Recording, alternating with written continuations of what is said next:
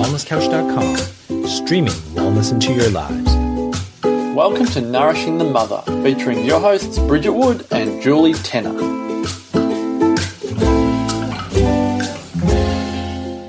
Hello and welcome to Nourishing the Mother. I'm Julie Tenner. And I'm Bridget Wood. And this week we're talking the last taboos of motherhood. Yes. And it's so juicy, isn't it? Because it's the stuff that that seems like it's a bit too messy and dark and dank to be okay Yeah. within the motherhood journey. Which is actually how we came to deciding we'd do this topic was because you and I were having a conversation about it. Mm. Actually, it was when my gorgeous friend Brie was over and you'd popped in for lunch. And she'd made both of us lunch. And Brie and I have got um, boys the same age, and um, I'm hoping you remember her from the Love Bomb episode. If you That's a great back, it's a great episode. You should go back and listen to that if you're really seeking the next evolution of, you know, well, love bombing or connection or, or getting through a rough patch with your kids. Yeah. Anyway, she was over and we're having a discussion and a lament, and to be honest with you, a giggle because her and I were like, oh my God, these boys or these kids or, you know, da da da. And, and we laughed and I, and I said, yeah, there's nothing more like freedom making than being able to say, your kid's an asshole. and we just laughed about it. And that's when you and I went, this is like something we should talk about because particularly in the conscious parenting realm, mm. we, you know, are so overly thinking and so conscious about the ramifications and the outcomes and the damage Yeah. that we lose so much fun and often And that perspective. and perspective. And mm. that there's a beautiful woman now loathing to loving tribe at the moment who was saying you know she was really struggling with family or parenting being a top value because she was struggling so much with it. Mm. Because that bar of conscious spiritual parenting was so high she mm. always felt like she fell short. So it was never enjoyable and I thought, wow, you know, I get that. And you and I both went such a big mirror because we've both been there. Yeah, we're, we're almost you're so focused on like the right way to say things to your child, the right way to really focus and deeply hear them that you kind of miss the opportunity for connection in a really light-hearted, different way, which is no worse than the focusing on just you know hearing them and all that that kind of Yes. pinnacle of conscious parenting type approach with your kids. Just the fun. Yeah. I often think the more unconscious I've become in my parenting, the more fun it's Mm. become. And the more fun it's become, the more I want to hang out with my kids and Which be is there. funny, right? And that really comes back to getting out of your head and into your heart and your body with your kids, So true. isn't it? It really is. because the head stuff is the is the oh I shouldn't have said that or is it okay if I do this and then beating up and the guilt and Yeah. the now it's gonna and I used to do that. I used to mm. cast forward and I remember like breaking down in tears when my husband would get home going, Today I said or did this and now he's gonna be fucked for life and this is what it's gonna be and now he's gonna look back on this moment and, and I like did this whole Yeah, story wow. projecting forwards about what and that implosion of I mean now I can giggle about it, but that implosion of emotion and mm. guilt that was so laden with with my story of childhood and how much I was running from recreating that in my mm. kids, that whenever I got somewhere even close to where my childhood experience was, I like freaked the absolute fuck out and wanted to get out of there. And then so much guilt and shame around what I had done to my children. And I think that's a really common story. so you really got that idealism of like the perfect mother up Yes. there on some pedestal and and anytime you don't meet that it's Yeah. like oh hell Well, is- it's catastrophic. yeah It's the self implosion, like you just keep caving in and in and in, mm. and it feels like there's no way out. And now I just think, oh man, you know, with this, you know, subsequent second and third child, I have not made anywhere near the in inverted commas mistakes that I made with my first. I think mm. that one is normal.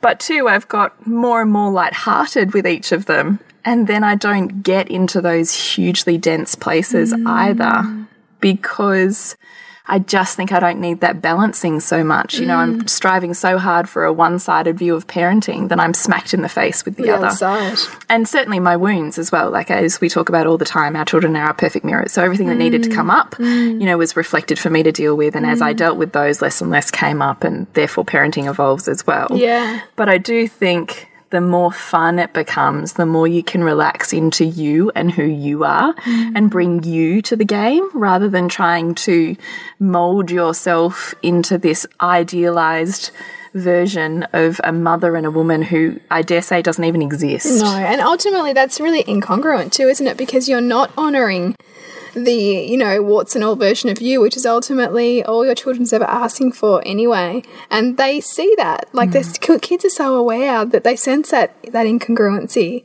And what they're looking for is our, our authenticity in our motherhood, which sometimes can be difficult if we are subordinating to particular ideals around how, how we think we should be. Mm. And so we wanted to dive into what we, I guess, see as the taboos of the last taboos of motherhood particularly because we're in a paradigm now where parenting is almost like a competitive sport. You know, like a, it has a it has a niche of its own, um, and you know we're certainly contributing to that in, in in what we're wanting to do with our aligned parenting course. But but really, we're trying to peel it back towards how do you parent from the essence of you? How do you parent in a way that is allowing you to deeply see your child and and and see the the kind of um, dynamic at play between yourself and your child, as opposed to setting up some kind of unrealistic bar that you should be constantly striving for, which which is futile and which only is going to create feedback within you, um, like resentment, like frustration, like you know self, you know imploding, like Yeah, like you're right. talking about. Yeah. And so the first one, I guess, and probably came about as we're working through your pregnancy, it is, has been not liking pregnancy. No. I really, I'm sorry, I'm going to say it, and part of me still cringes that I'm going to say it, but I actually fucking hate pregnancy. I actually really hate it. I think it's taken me four to get there to actually Yeah, own to that. own it. And which is crazy, right? Because I work with pregnancy. That's my Yeah, whole which is life. really interesting, isn't it? So much reverence and blah, blah, blah. But my actual body experience of pregnancy, ugh. And you're and, like and as a woman, so in your body, Yeah, I am. is it, what, why do you think that is? Is it, be- is it because you don't feel like you have control over your body? I'm just really sick. And the sickness is just really like it's not it's not how my body changes that's an issue for me. It's not um you know the size of my belly. You know, it's not that stuff. It's it's really genuinely the sickness. So the lack of vitality that you've got in pregnancy. Um, no, because I don't actually feel that. I don't actually feel run down or like I'm lacking vitality. I, I really just honestly, I'm constantly fighting nausea. Yeah. And to constantly be on that track and, uh, you know, I just, I find that really debilitating and difficult to function because I don't want to, to drag my body up to achieve cleaning the house or Yeah. getting dressed even sometimes or you know any of that stuff. And i'm just like oh this is so gross. Like it's just the grossest feeling ever. And to just feel gross in my body doesn't feel nice. Um I wonder how, like, I mean, because we're always looking for the flip of that, right? I wonder how that in you breeds, you know, that, that I often think in women who don't like pregnancy, does that make them enjoy the newborn stage more because they're free of the, of the debilitating nature of pregnancy? yeah maybe. I keep thinking and i keep hearing i keep meeting these women who have had similar experiences which is funny mm. right? Because i call them in. And i keep thinking i'm going to literally have this baby fly out of my body and on my chest and i'm going to be like woo nausea just give me food everybody feed me and fan me. I'm just said to Nick, I'm already writing a list, a list of foods you're bringing in so that I can just consume. so, and I have several friends. I remember one friend who was like hideously, seriously, seriously sick and violently ill for her entire pregnancy. Wow. And she said all of a sudden, and she had really traumatic birth experiences too, poor love. And she always said, I had, I had my last baby, and half an hour afterwards, she all of a sudden went, she grabbed the midwife's hand and went, Oh my God, I don't have any nausea. I don't feel sick. Oh my God. It's like this. And I just thought, oh man, I get Oh, it. gosh. I so get it. And this is just, it's really hard, isn't it? Because we're Mm. so hit with, um, you know, just the social media and, well, media in general aspect of, you know, um, empowered, beautiful pregnancy. Yeah, and that ideal of the glowing pregnant woman. Yes, yes, yes, the, yes. You know, the full bellied, voluptuous, embodied, Yeah. you know, like feminine power when you're just over, you know, steering a toilet bowl kind of. Well, have you seen that movie, What to Expect When You're Expecting? No, I haven't seen Have you that one. It reminds me of that. And there's this woman on there who has this fantasy. She's not pregnant yet. She's having trouble conceiving. She has this fantasy around the glow and the pregnancy, and then she's the one that gets like the worst. And I always go, I'm her. There's no glow. Yeah, yeah. And then she has her baby, and she's like, oh my god, here's my glow. You know, I've been waiting nine oh, months yeah, for this. and yeah. And so, yeah, I totally think that. But as far as the taboo goes, I'm a doula, I'm a birth worker. I love pregnancy in other women.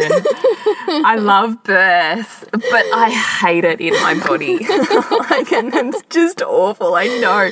I could never run into, you know, a doula circle and go, I hate pregnancy. Yeah, yeah, yeah, yeah. Which is so interesting that you that you have such you know inspiration and passion in that area. I guess because of the reverence that you can bring to other women going through. Yeah, that, because I have reverence for the woman's journey in that, mm, you know, mm. and there's and and, and the hero's journey that is pregnancy and birth. Yeah, yeah, definitely. heroine's journey. Heroine's yeah. journey. Yeah. Yeah, definitely. But anyway, I'm just saying I hate pregnancy and I'm making it okay for you to say you hate pregnancy if you are there with me.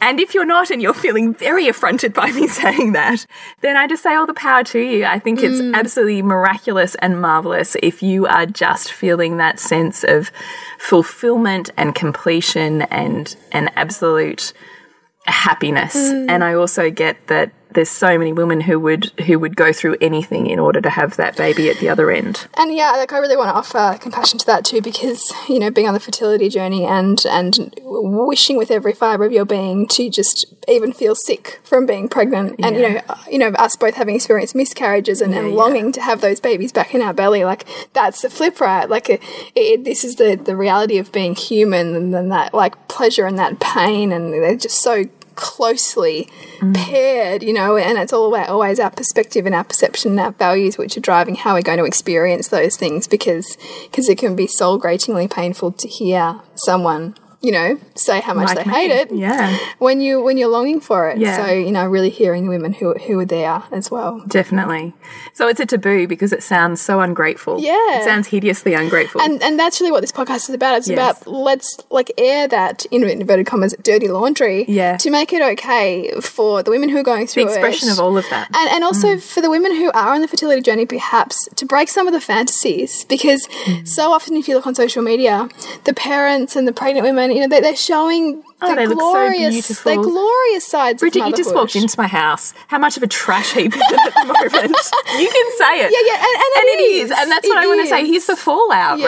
right? Is I'm not holding all those balls in the air because I physically and I'm and am unable to. And this is like life also teaching you to let go and Yeah. surrender, right? And, And like, it's and, like, and we're always getting that in different forms. Those messages come in different, different, different, different ways. This is the st this is the stage where you're having to wrestle with that, yeah. Aren't you? And it's a loss of control too, because I'm usually highly, highly organized in that area of mm. family and home, highly mm. organized. You know, sometimes I'll let it down here and there, and that's cool, but I'll always pick it back up again. Whereas quick. this time, there's no pickup and there's no catch up. Mm. It's just a constant drowning This- because I feel is how sick. it is. Yeah, Yeah. and that's you know I do often feel suffocated by that, and I think that's also part of my struggle with hating pregnancy. Is I look at it and I go, I really have to do that, and I really can't and I have to let that go rather than achieving me getting it done. Mm. Yeah. Mm. You know, and I have to literally live in it. I really struggle with that. but then, you know, yeah, I'm just starting to feel little kicks and things, and I feel that, and I go, Aw, are "Oh, you? You're just little ones. Every now and then, not very often. Yeah. And I go, oh, Hello, baby. yeah. so, look, it's not that it's all shit, but I just want to say if you are having a shit time we are talking about the shit parts, right? It's, but it's okay to, I just Yeah, yeah, it's okay to say that. Yeah. Listen, I'm a doula. I'm here in women's work, and I'm saying I Yeah. hate it for me. I love it for you, Yeah. Mm. but I actually hate it in me. Um, but you know, And you maybe loved it for me. You know, I like loved you it do love yeah, I it. Mm. do love it.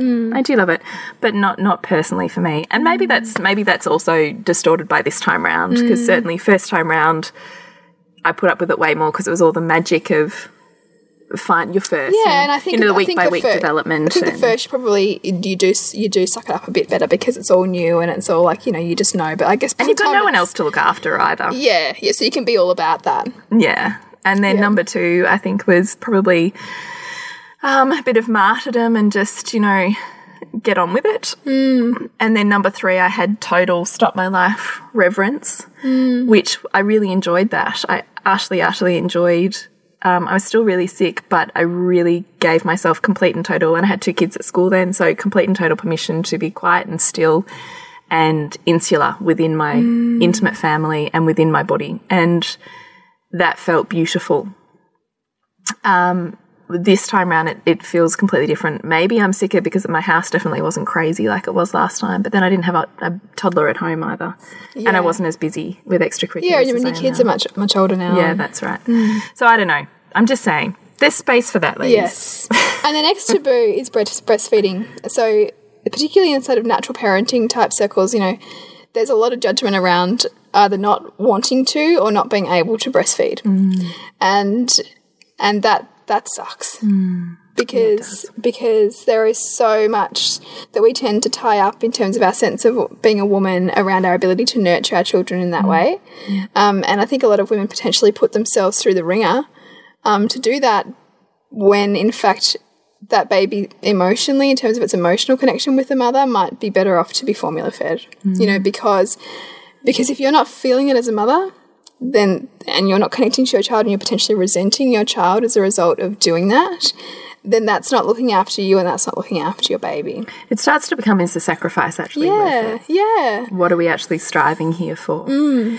And, you know, I mean, again, from a naturopathic and holistic perspective from both Bridget and I, yes, we, you know, adore breast milk and everything it has to offer, including the emotional, mental, and physical side. Mm. But that's not to outweigh the fact that f formula should not be the antichrist. no no not at all And in fact, when it comes to, which I love that you're saying, because I've met so many women on this birth journey that have met this exact roadblock and they, you know, feel very judged by women around them and they can't often give themselves permission.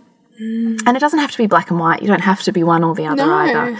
You can still um, use your breasts for suckling, for comfort, or for the you know one or two feeds you might be able to um, provide in a day, and still do formula within there. It doesn't have to be cut and dried one or the other. There's a whole heap of grey in the middle. But what I adore you saying, Bridget, is that it's about the mother's journey here, and you've just gone through an enormous transition.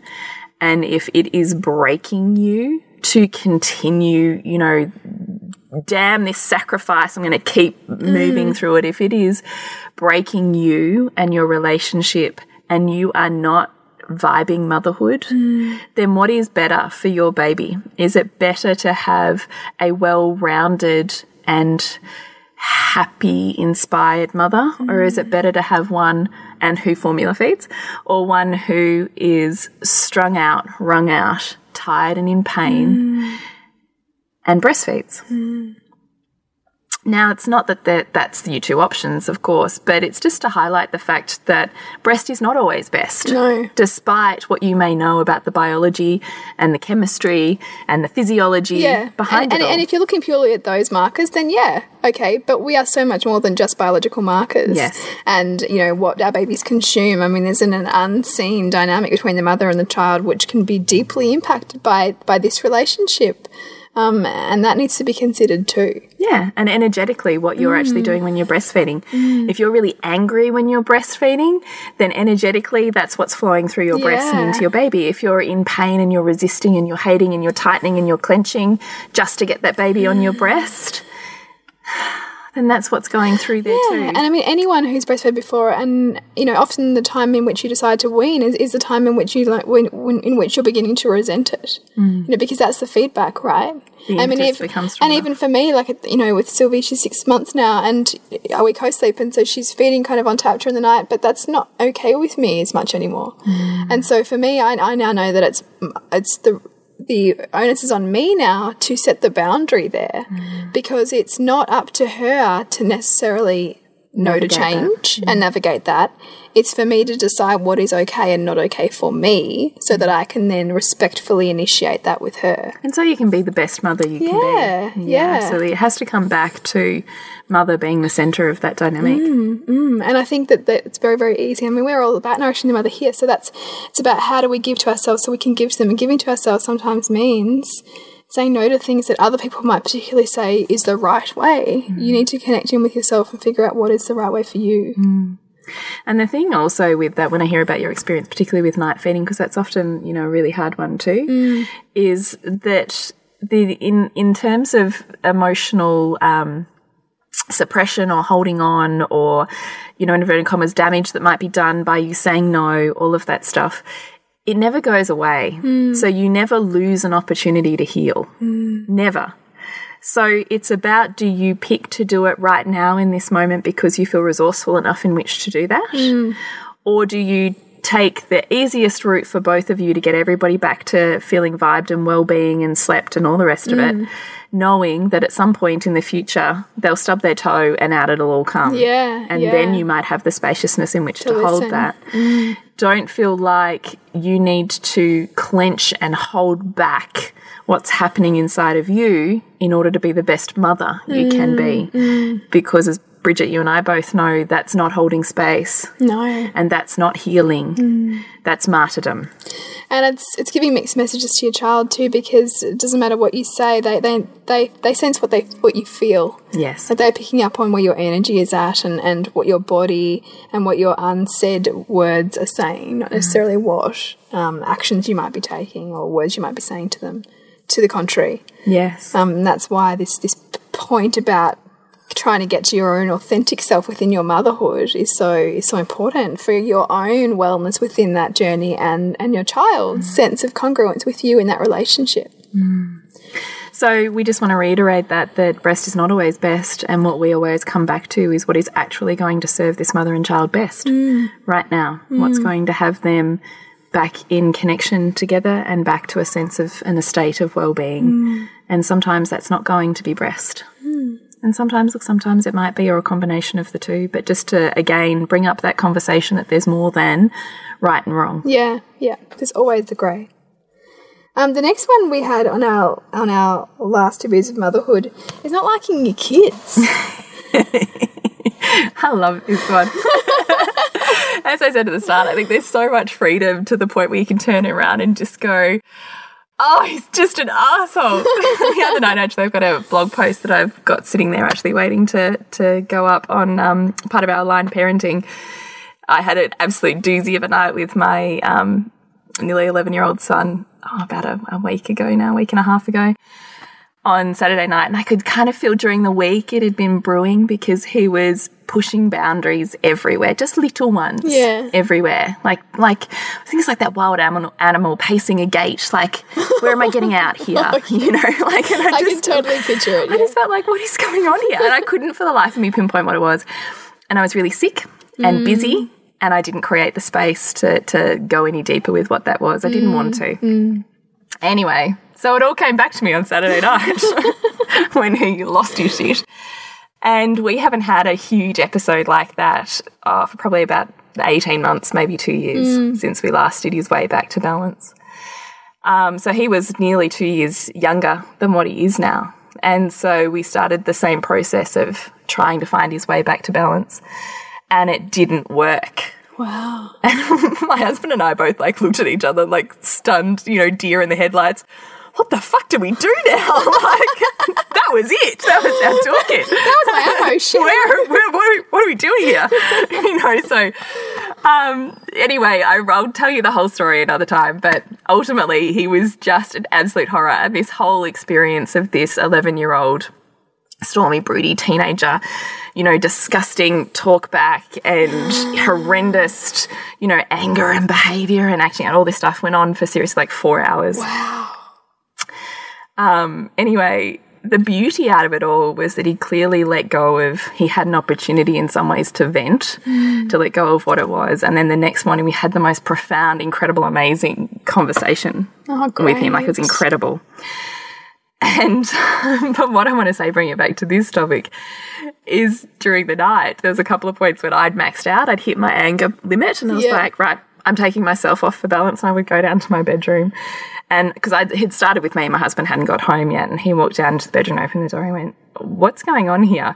I mean, he's just being a fucking prick, and I cannot handle it anymore like this. And my husband was like, thought so. and then he went back and he did some stuff with, with him, and then you know he would come up to me later on and go, "He's such an asshole." And I'm like, "I know." He like really is. And we were able to, to do what you and I do. Like, we were able to commiserate. We were able to laugh, which is a way of actually removing anger from our bodies. yeah. And to laugh at the irony of this whole situation.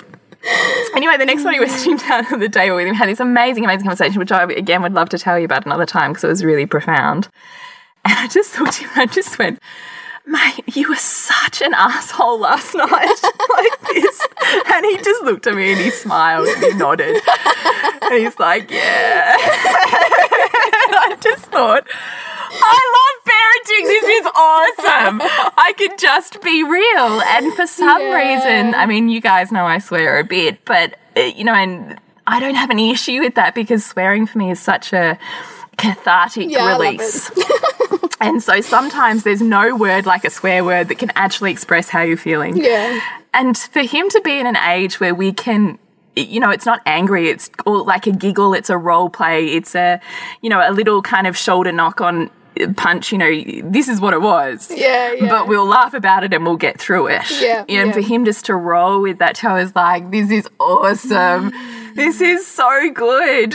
you know, and I just thought, there is so much freedom in being able to just do that, to be like, this is shit. like, Mm. yeah. what is going on here? And it's so much more um, freedom and opportunity to grow to grow in that because you're not trying to swallow it down. Yes. You're not trying to ignore it or rationalize it or uh, explain it away.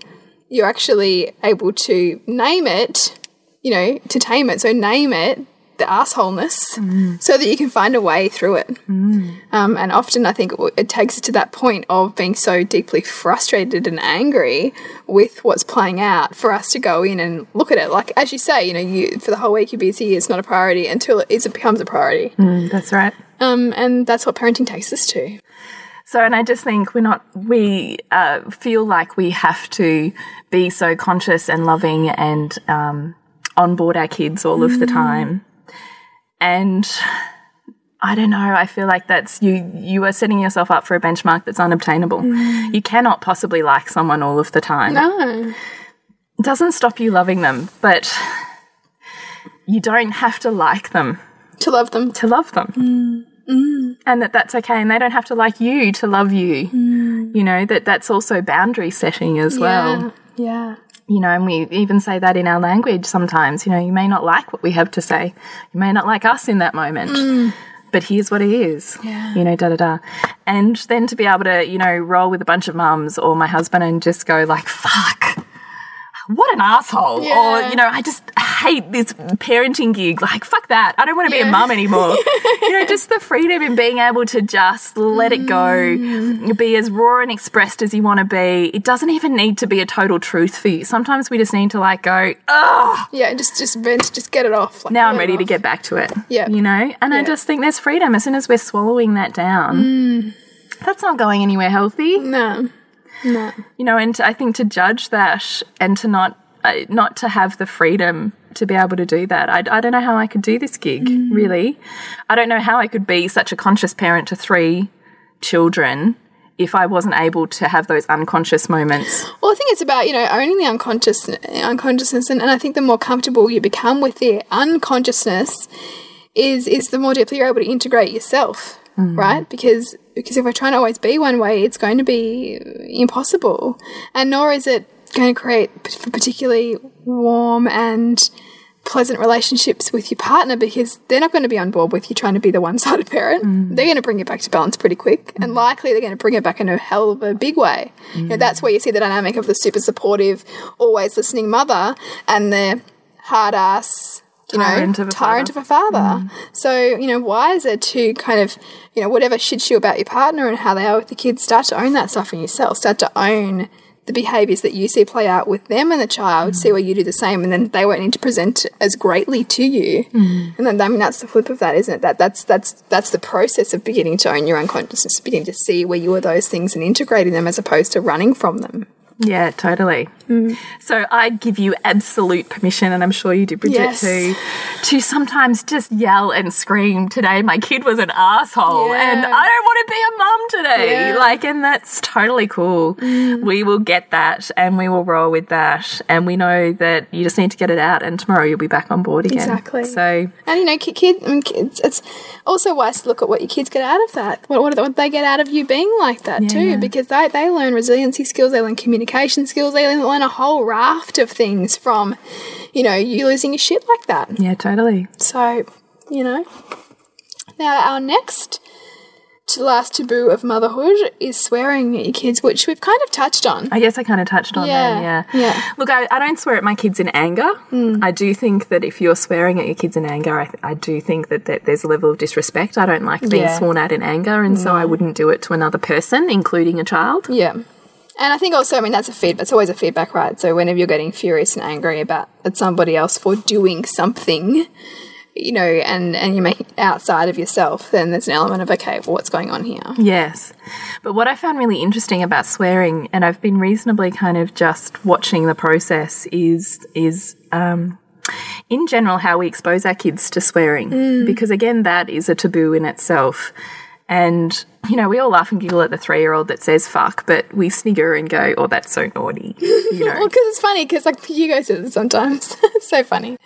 And I think it's just, I think it's funny. I think it's hilarious. But my husband kind of like looks at me, like gives me this look. Yes, say it's bad. exactly right. I actually don't have a problem with it. Yeah.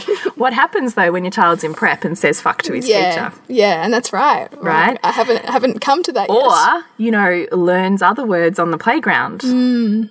Tell me about that because I don't know what happens with that. Yeah, well, look, particularly, you know, in primary schools, well, in high schools, actually, it's way worse. And some of my friends are high school teachers. So, you know, I laugh with them when they go, I don't know, you know, am I ready for this thing of this talk of sexuality or this? And, and my friend who's a high school teacher and she was a well-being coordinator just like rolled her eyes at me and went, well, if you haven't done it by high school, he's finding it out from someone else. Yeah, and I just yeah. like went, whoa I'm doing it now then. there's perspective, Yeah, right? yeah. You know, and certainly, you know, my kids have both been exposed to, like, I pretty much say shit fuck, and in the last six months, I've started saying asshole in those sorts of terms. Mm. Um, in really random places, not to them, but you know, like I do something stupid and Yeah. say it or whatever. Um, and they just kind of, you know, they notice it, but they it rolls off them in a way. But they've been exposed to the variety of swear words on the playground and on the footy field and from all of the other kids that you know have all the different upbringings that your child socializes with within a school environment they're exposed to everything so to think that i'm protecting my kids from you know at home is, is like crazy yeah, what an illusion that is. Yeah. Yes, it is. But it allows me the opportunity to talk about the right place for swear words and the mm. wrong place for swear words when they're offensive and not offensive, when mm-hmm. they're harmful and not harmful. And then I look at music. So my kids are exposed to swear words through music. Mm. The music that they're into is all of the, you know, pop culture, a bit of rap, da da da. And it's rife in there. Yeah. Like it's rife. If you, you think about all of the songs that are on, you know, the iTunes playlist, mm. ninety percent of them will have swear words in them. And they're not really like that bleeped out these days either. Either. I think during daytime commercial Right, radio yeah. they probably are, but certainly not on iTunes downloads. My kids both have iPods and we download songs. Yeah. So they're true, listening to swear words. Yeah.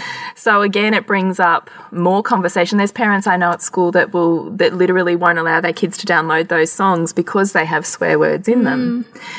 So I never felt that conflict because I could see what therapy my kids got out of music and being able to mm. move their bodies and feel rhythm in their bodies to music. So I never cared what that music was as long as they were getting the therapeutic feeling from it, the connection mm. to their body. That was what was important to me about mm. music.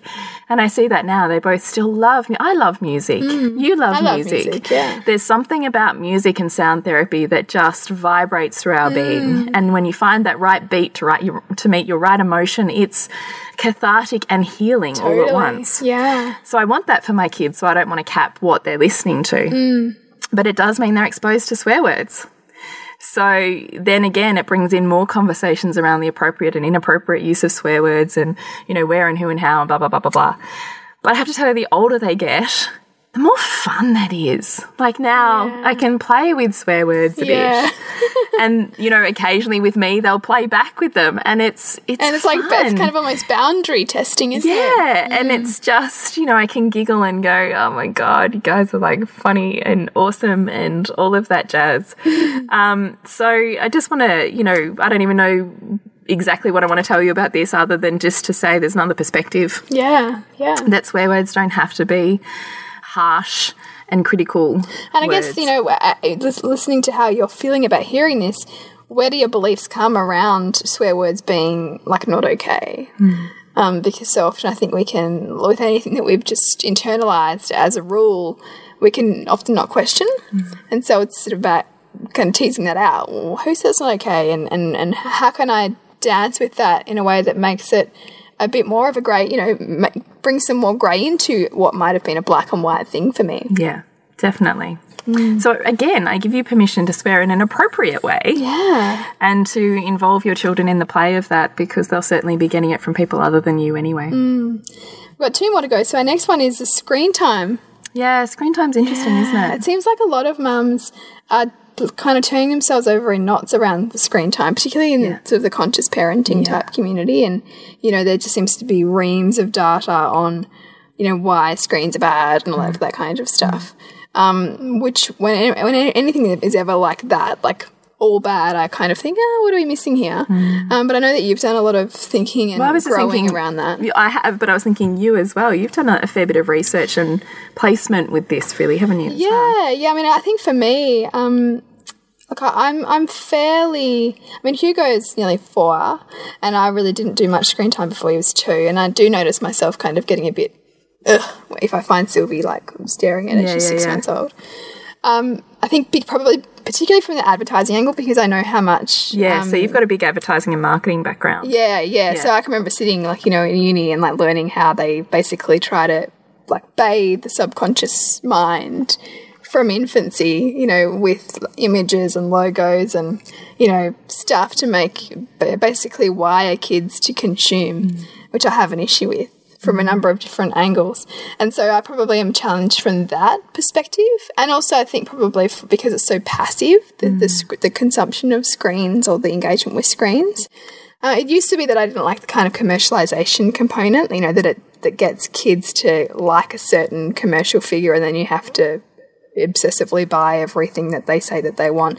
But I've got a lot more of a fluid approach to it now and, and where I really tune into what's going on for my son. Like if I think that he's using screens to numb or screens to kind of zone out or screens as like a you know he's addicted to it or he's needing it then i'll put a limit in place but generally i'm a bit more flexible if he wants to watch a movie or mm. you know if he wants to see you know some things on youtube but I, i'm pretty restrictive about ads i don't really let him watch ads much um, because i hate ads Yeah, yeah. i really hate ads um, and- Because not only that, when you see an ad, you don't just see an ad, you're seeing all of the marketing that's yeah, behind it. yeah, and and Yeah. there's certain images that I don't think he needs to be exposed to yet. Like we don't watch the news, and I just don't think that there's things that he needs to have in his realm of consciousness yet. Yes.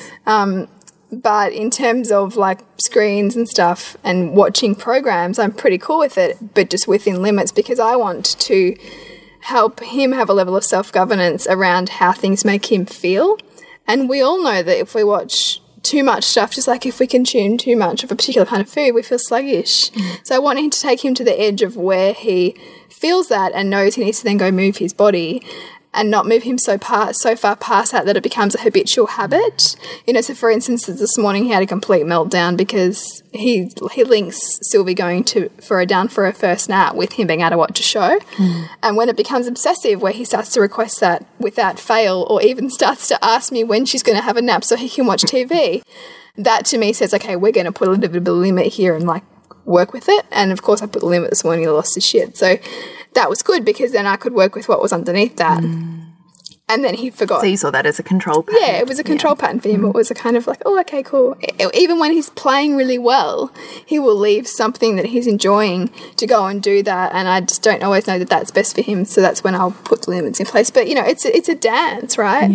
Um, and I think you you know you do the similar thing where you start to you know recognize when it's too Um, much? Yeah, yeah, look, I do, but to be honest with you, my kids are so busy with sport. There's Yeah. Mm. actually not much time. Like, genuinely, there's hardly any time for screens at all. Mm. Um, so, you know, they would be lucky, like, lucky to get an hour a day in. Yeah. And generally, I'm picking that time when it's most convenient with me and I don't wish to be disturbed. Yes. yeah. And that is where screens are fantastic. That is where screens are fantastic. So, if I need to get some work done, Yeah. I'll say screen time. Yeah. Or if I need to have a nap, I'll say to my youngest, Do you want to watch a movie? Mm, yeah. Because And I then it's totally use working it for, for that me. too. Yeah. I, I mean, I'll use it for that exact same reason. But I'm certainly not of the opinion that it's best to have the TV just on in the background all of the time. Yeah. Um, but I don't think it's an anti-screen policy either. I do think there's a mm. grey area in between. I mm. the only restriction I have, although look to be honest with you, my elder son is challenging me a bit on that. Is that if we have friends over, I because I have a reasonably high value, I suppose, on communication and community, that um, we don't choose screens over friends. So if we have friends over. We don't have four different screens with four different people on them not interacting Yeah. with each other Yeah. Yeah. but because they play um, Xbox and they have interactive games, so you can have two controllers at a time. Now that's sort of being tested a bit because they want to play together. Yeah. Yeah. But in general, if we have friends over to play, there's zero screens, Mm. and I might get like a uh, to start off with, and then five minutes later, everybody's playing again, and they Mm. Play beautifully and amazingly and incredible, you know, childhood games. And for me, that's that's very serving. Mm. Um, unless a child's being really annoying, and I'm trying to have a conversation with a mum, and then I'll say, "Let's put the screen on." and then like there has been certainly times where I, I have thanked God for television, you know, because that can be where it, where it can be fantastic. Yeah, And definitely. I guess it's just checking in with yourself. You It know? is. And it's that classic thing. Like sometimes I'll be totally fine with it and relaxed with it, and other times I won't be. Mm. And I and I think that that's okay. the self checking is actually where it's at. I think, and you and I say that often. It's it's not um, you know just how you're doing every now and then. It's it's a daily practice of regular intervals of what best serves me right now. Yeah. Yeah. Did we have any more taboos, or was that it? We did have one more, which is balancing out the fantasy of being an overly conscious mum. Yeah. So this is kind of one that I'm I'm constantly hitting. So we've kind of touched on this in each one of these. Yeah, I think we have. Yeah. But go there because we want to point out that there is no right or wrong way to parent. There is no No. good or bad mother. Yeah. And in essence, there's benefits to our children out of being a good mum, and there's benefits to our children out of being a bad mum. Yeah, and I mean, even you know, your column of good mum and my column of good mum could be two different things, and, and we're all going to have different things in different columns.